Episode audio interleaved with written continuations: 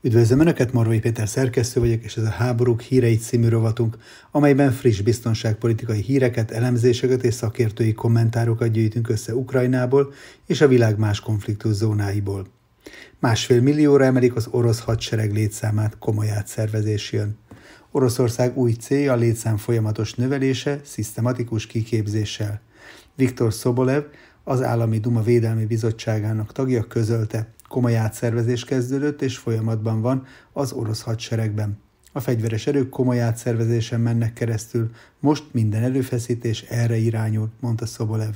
Az altábor nagy hangsúlyozta, Oroszország célja, hogy az év végéig másfél millió főre növelje a fegyveres erők létszámát. Hozzátette, hogy mindehez, vagyis az orosz katonai műveletekhez a csapatok szisztematikus kiképzésére is szükség van. Háborús bűncselekmény a külföldre távozott állampolgárok visszatoloncolása, amikor börtön vagy azonnali frontszolgálat vár otthon rájuk, írja jegyzetében Robert C. Castell annak a hírnek kapcsán, hogy Lengyelország már meg is kezdte a 18 és 60 év közötti ukránok deportálását. Amit Szolzsenyicin a második világháború utolsó titkának nevezett, az a szovjet hadifoglyok és más szovjet állampolgárok erőszakos deportálása volt a nyugati hatóságok által, írja Robert C. Castell.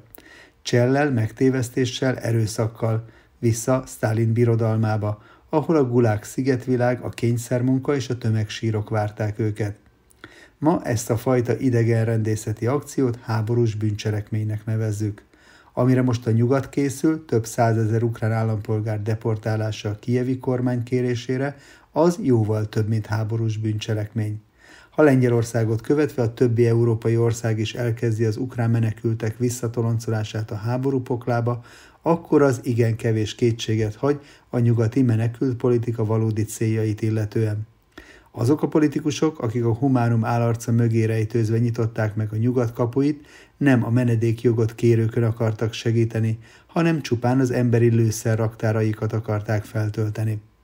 Ez az emberi lőszer mindezidáig csak a nyugat hideg polgárháborújában került bevetésre, demográfiai faltörő kosként a meglévő politikai berendezkedés lerombolására. Ha az ukrán menekültek deportálása megkezdődik, akkor ez az emberi lőszer egy teljesen új típusú alkalmazását jelenti. A nyugat, ukrán, kínai, perzsa, arab, stb. menekültjei immár nem a sokszínű toleráns multikulti bohózat haszonélvezői, hanem egyszeri használatra importált mamelukok. Hogy kik is voltak azok a mamelukok? Rabszolgakatonák, akiket azért vásároltak meg és azért etettek, hogy egy nap majd hősiesen meghalhassanak az egyiptomi hűbérurukért. Ha az ukrán menekültek deportálása megvalósul, akkor ez a proxy háborúk egy új típusával ajándékozza meg az emberiséget. A tájvani kormány kérésére kínai mamelukok százezrei válhatnak deportálhatóvá egy Kína elleni háború keretében. Egy jövőbeli emigráns iráni kormány kérésére perzsa menekültek tömegei válhatnak deportálhatóvá egy Irán elleni intervenció megtámogatására. Az afrikai és a közel-keleti intervenciókat is igen egyszerű lesz emberanyaggal feltölteni. A francia sorozótiszteknek csak be kell térniük az első kávéházba. A földön futói lét lényege a kiszolgáltatottság. Az az állam, amelyik elég erős ahhoz, hogy lábbal tiporva a saját törvényeit rákényszerítse a földön futó jelenlétét egy vonakodó őshonos lakosságra, ahhoz is elég erős, hogyha az érdeke úgy kívánja, emberi lőszerként kezelje a földön futót, és visszatoloncolja a biztos halálba, írja Robert C. Castell jegyzetében. Mindehez a műsorunkban nemrég emlékezetes interjút adott külügyi szakértő Szabó József a következő kommentárt fűzte a Facebook oldalán. Történelmi példa. Lengyel barátaink mára már úgy látszik elfelejtették, mit is tett értük 1939-40-ben Magyarország. Mi egyetlen Magyarországra menekült lengyelt sem deportáltunk vissza a nácik által megszállt Lengyelországba, noha az akkori Németország szövetségesei voltunk. Lenne előttük példa, hogy hogyan kellene viselkedni a háborús menekültekkel szemben, függetlenül azok nemétől és életkorától. Az ukrán hadsereg legyengült a nyári támadásban, a nyugat pedig kezd kifogyni a pénzből, és a lakosság támogatásából is, állítja elemzésében Somkuti Bálint hadtörténész, biztonságpolitikai elemző. Kifejezetten érdekes, hogy a nyugati sajtó hirtelen egészen reálisan kezdte látni a helyzetet. Úgy tűnik, a közelgő amerikai választási kampány miatt megindult a leválás a híreket sokáig uraló ukrajnai háborúról.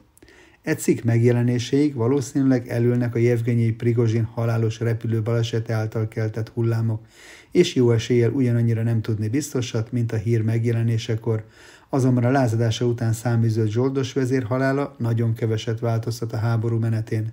Sőt, akkor is keveset változtatna, ha a Wagner még mindig aktívan részt venne a küzdelmekben.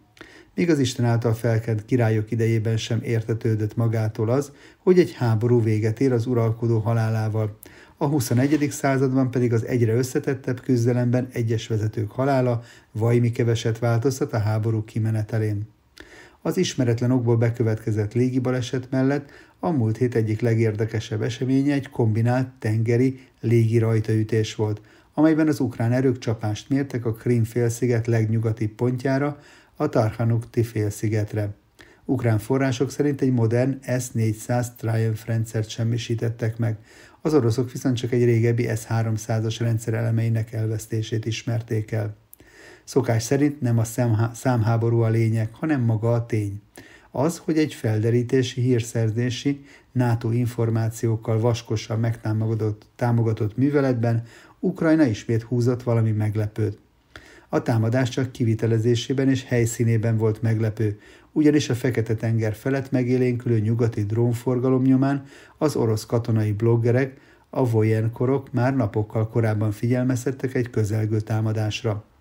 A levegőben drónokkal, a tengeren motorcsónakokkal indított támadásról először lefitymálóan számoltak be orosz források, sorolva a megsemmisített légi és tengeri eszközök számát.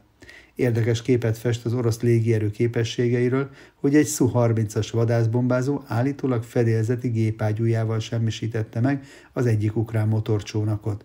Egy tengeri őrjáraton lévő gépen miért nem volt levegő felszínrakéta, vagy legalább egy irányítatlan rakétákból álló blokk? Miért kellett a legkockázatosabb módon közvetlen közelrepülve megtámadni a célpontot? Ráadásul másnap kiderült, hogy néhány csónak így is elég közel került ahhoz, hogy csapást mérjen a NATO által felderített légivédelmi rakétakomplexumra.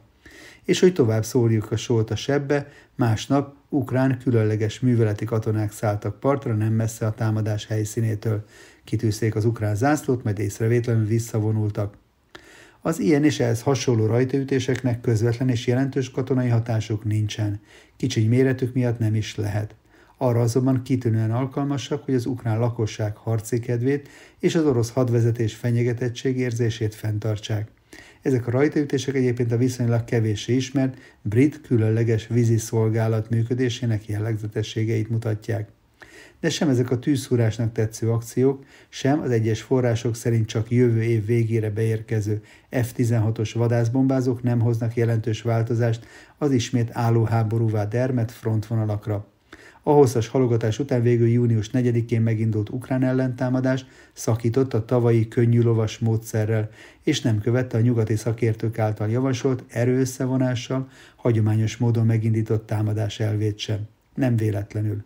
A kitűnő katona hírében álló Valeri Zaruzsnyi tábornok által irányított ukrán katonai vezetés pontosan látta, hogy a tavaly nyárihoz képest jelentősen kisebb mennyiségű nyugati katonai segítség nem teszi lehetővé egy klasszikus offenzíva megindítását, különösen az egyértelmű célpont zaporizsiai területen.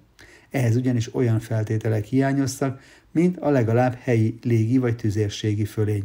Ráadásul az orosz védelmi vonalakat szemmel láthatóan megerősítették, mélységében kiépítették és aknamezőkkel védik. Igaz, erről a tényről az év első felében a nyugati sajtó nem igazán számolt be, kizárólag az ellentámadás sürgette, és túlzott várakozások kíséretében már sok esetben a Krím felszabadításáról fantáziált. Így a nyár végén kijelenthető, hogy hiába. Ugyanaz ukrán katonák halált megvető bátorságról tettek tanúbizonyságot, sem a szemlátomást hiányos felkészültségű és támogatású helyi páncélos rohamok, sem a szintén első világháborút idéző rohamosztagos taktika nem váltotta be hozzá fűzött reményeket. Ez utóbbi a mindent látó drónok korszakában olyan súlyos veszteségekkel járt, hogy az orosz oldalon húsfalnak és hohol kamikázénak nevezték el. A hohol az ukránok úgy neve oroszul, az ukránok pedig orkoknak hívják az oroszokat. Augusztus végéig az ukrán ellentámadás eredménye mindössze néhány tucat közösen rommá lőtt falu visszafoglalása jelentős veszteségekkel. Igazából mindegy a szómágia, hogy újabb fő védvonalak vagy fedező biztosító övnek nevezzük azokat az orosz védelmi állásokat, amelyekbe több helyen sikerült elég mélyen beékelődniük az ukrán támadóknak. Ugyanis a logikus műveleti cél a Melitopol irányában fekvő erődített Tokmak város felé is csak a távolság feléig jutottak. Nehezen hihető, hogy az ősi, őszi esőzésig hátralévő három-négy hétben többet tudnának elérni, mint az azt megelőző két és fél hónapban. Különös módon az, hogy állítólag két orosz csatahelikoptert lelőttek egyetlen nap alatt, szintén azt mutatja, hogy az ukrán légvédelem gyengül és az orosz légierő működése erősödik. Ugyanis ezek szerint minél több bevetés repülnek, az eddig szinte mindenható ukrán légvédelem miatt földre kényszerülő orosz forgószárnyasok. A nyugati sajtó hirtelen egészen reálisan kezdte látni a helyzetet. Kifejezetten érdekes, hogy a július közepéig a jövőbeni ukrán győzelmi jelentésektől hangos nyugati sajtó hirtelen egy, sajtóban hirtelen egyre szaporodnak azok a cikkek, amelyek az ukrán problémákról, a nehéz felszerelés hiányáról, a burjánzó korrupcióról számolnak be, és az ellentámadás nehézségeit ecsetelik. Sőt, konkrétan az ukrán politikai és katonai vezetést hibáztatják a sikerek elmaradásáért. Nem nehéz arra gondolni, hogy a hamarosan kezdődő amerikai választási kampány miatt megindult a leválás a híreket sokáig uraló ukrán háborúról. Ha igazak a hírek, és nem egy újabb, a nyugati fősodratú média által kivitelezett ukrán dezinformációs kampányt látunk, akkor keleti szomszédunk lassan a végére ér az ellentámadásra félretett erőinek.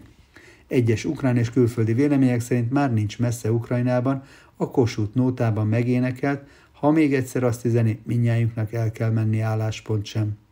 Erről a tökéletes ukrán hírzálat miatt nincs megbízható információnk, és nehezen hinném, hogy ez Zaluzsnyi kaliberű hadvezér mindent egy lapra tenne fel. De vannak arra utaló jelek, hogy Oroszország támadásra készül. Amennyiben ez bekövetkezik, a fő kérdés az, hogy mi lehet a célja.